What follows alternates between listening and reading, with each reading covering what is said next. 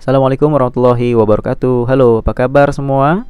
Semoga selalu sehat ya. Ingat selalu menerapkan 3M dalam setiap kesempatan dan aktivitas kita di mana pun berada.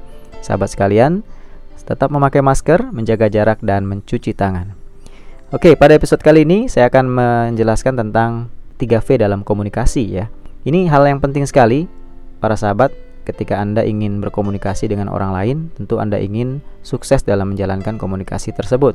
Ada tiga V. Yang pertama adalah verbal, kemampuan kita untuk memilih kata-kata, diksi, kemudian juga e, pemilihan kata yang tepat bagi orang yang tepat. Ya. Kemudian yang kedua V-nya adalah voice ya. Voice ini adalah kemampuan kita untuk mengintonasikan suara kita, ya.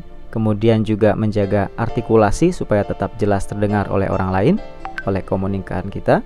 Kemudian V yang ketiga adalah visual. Penampilan menentukan ya. 9 detik pertama penampilan kita akan dinilai oleh orang lain yang berkomunikasi dengan kita. Oke, demikian 3V dalam komunikasi. Selamat menerapkan para sahabat sekalian. Sampai ketemu di episode yang lain. Assalamualaikum warahmatullahi wabarakatuh.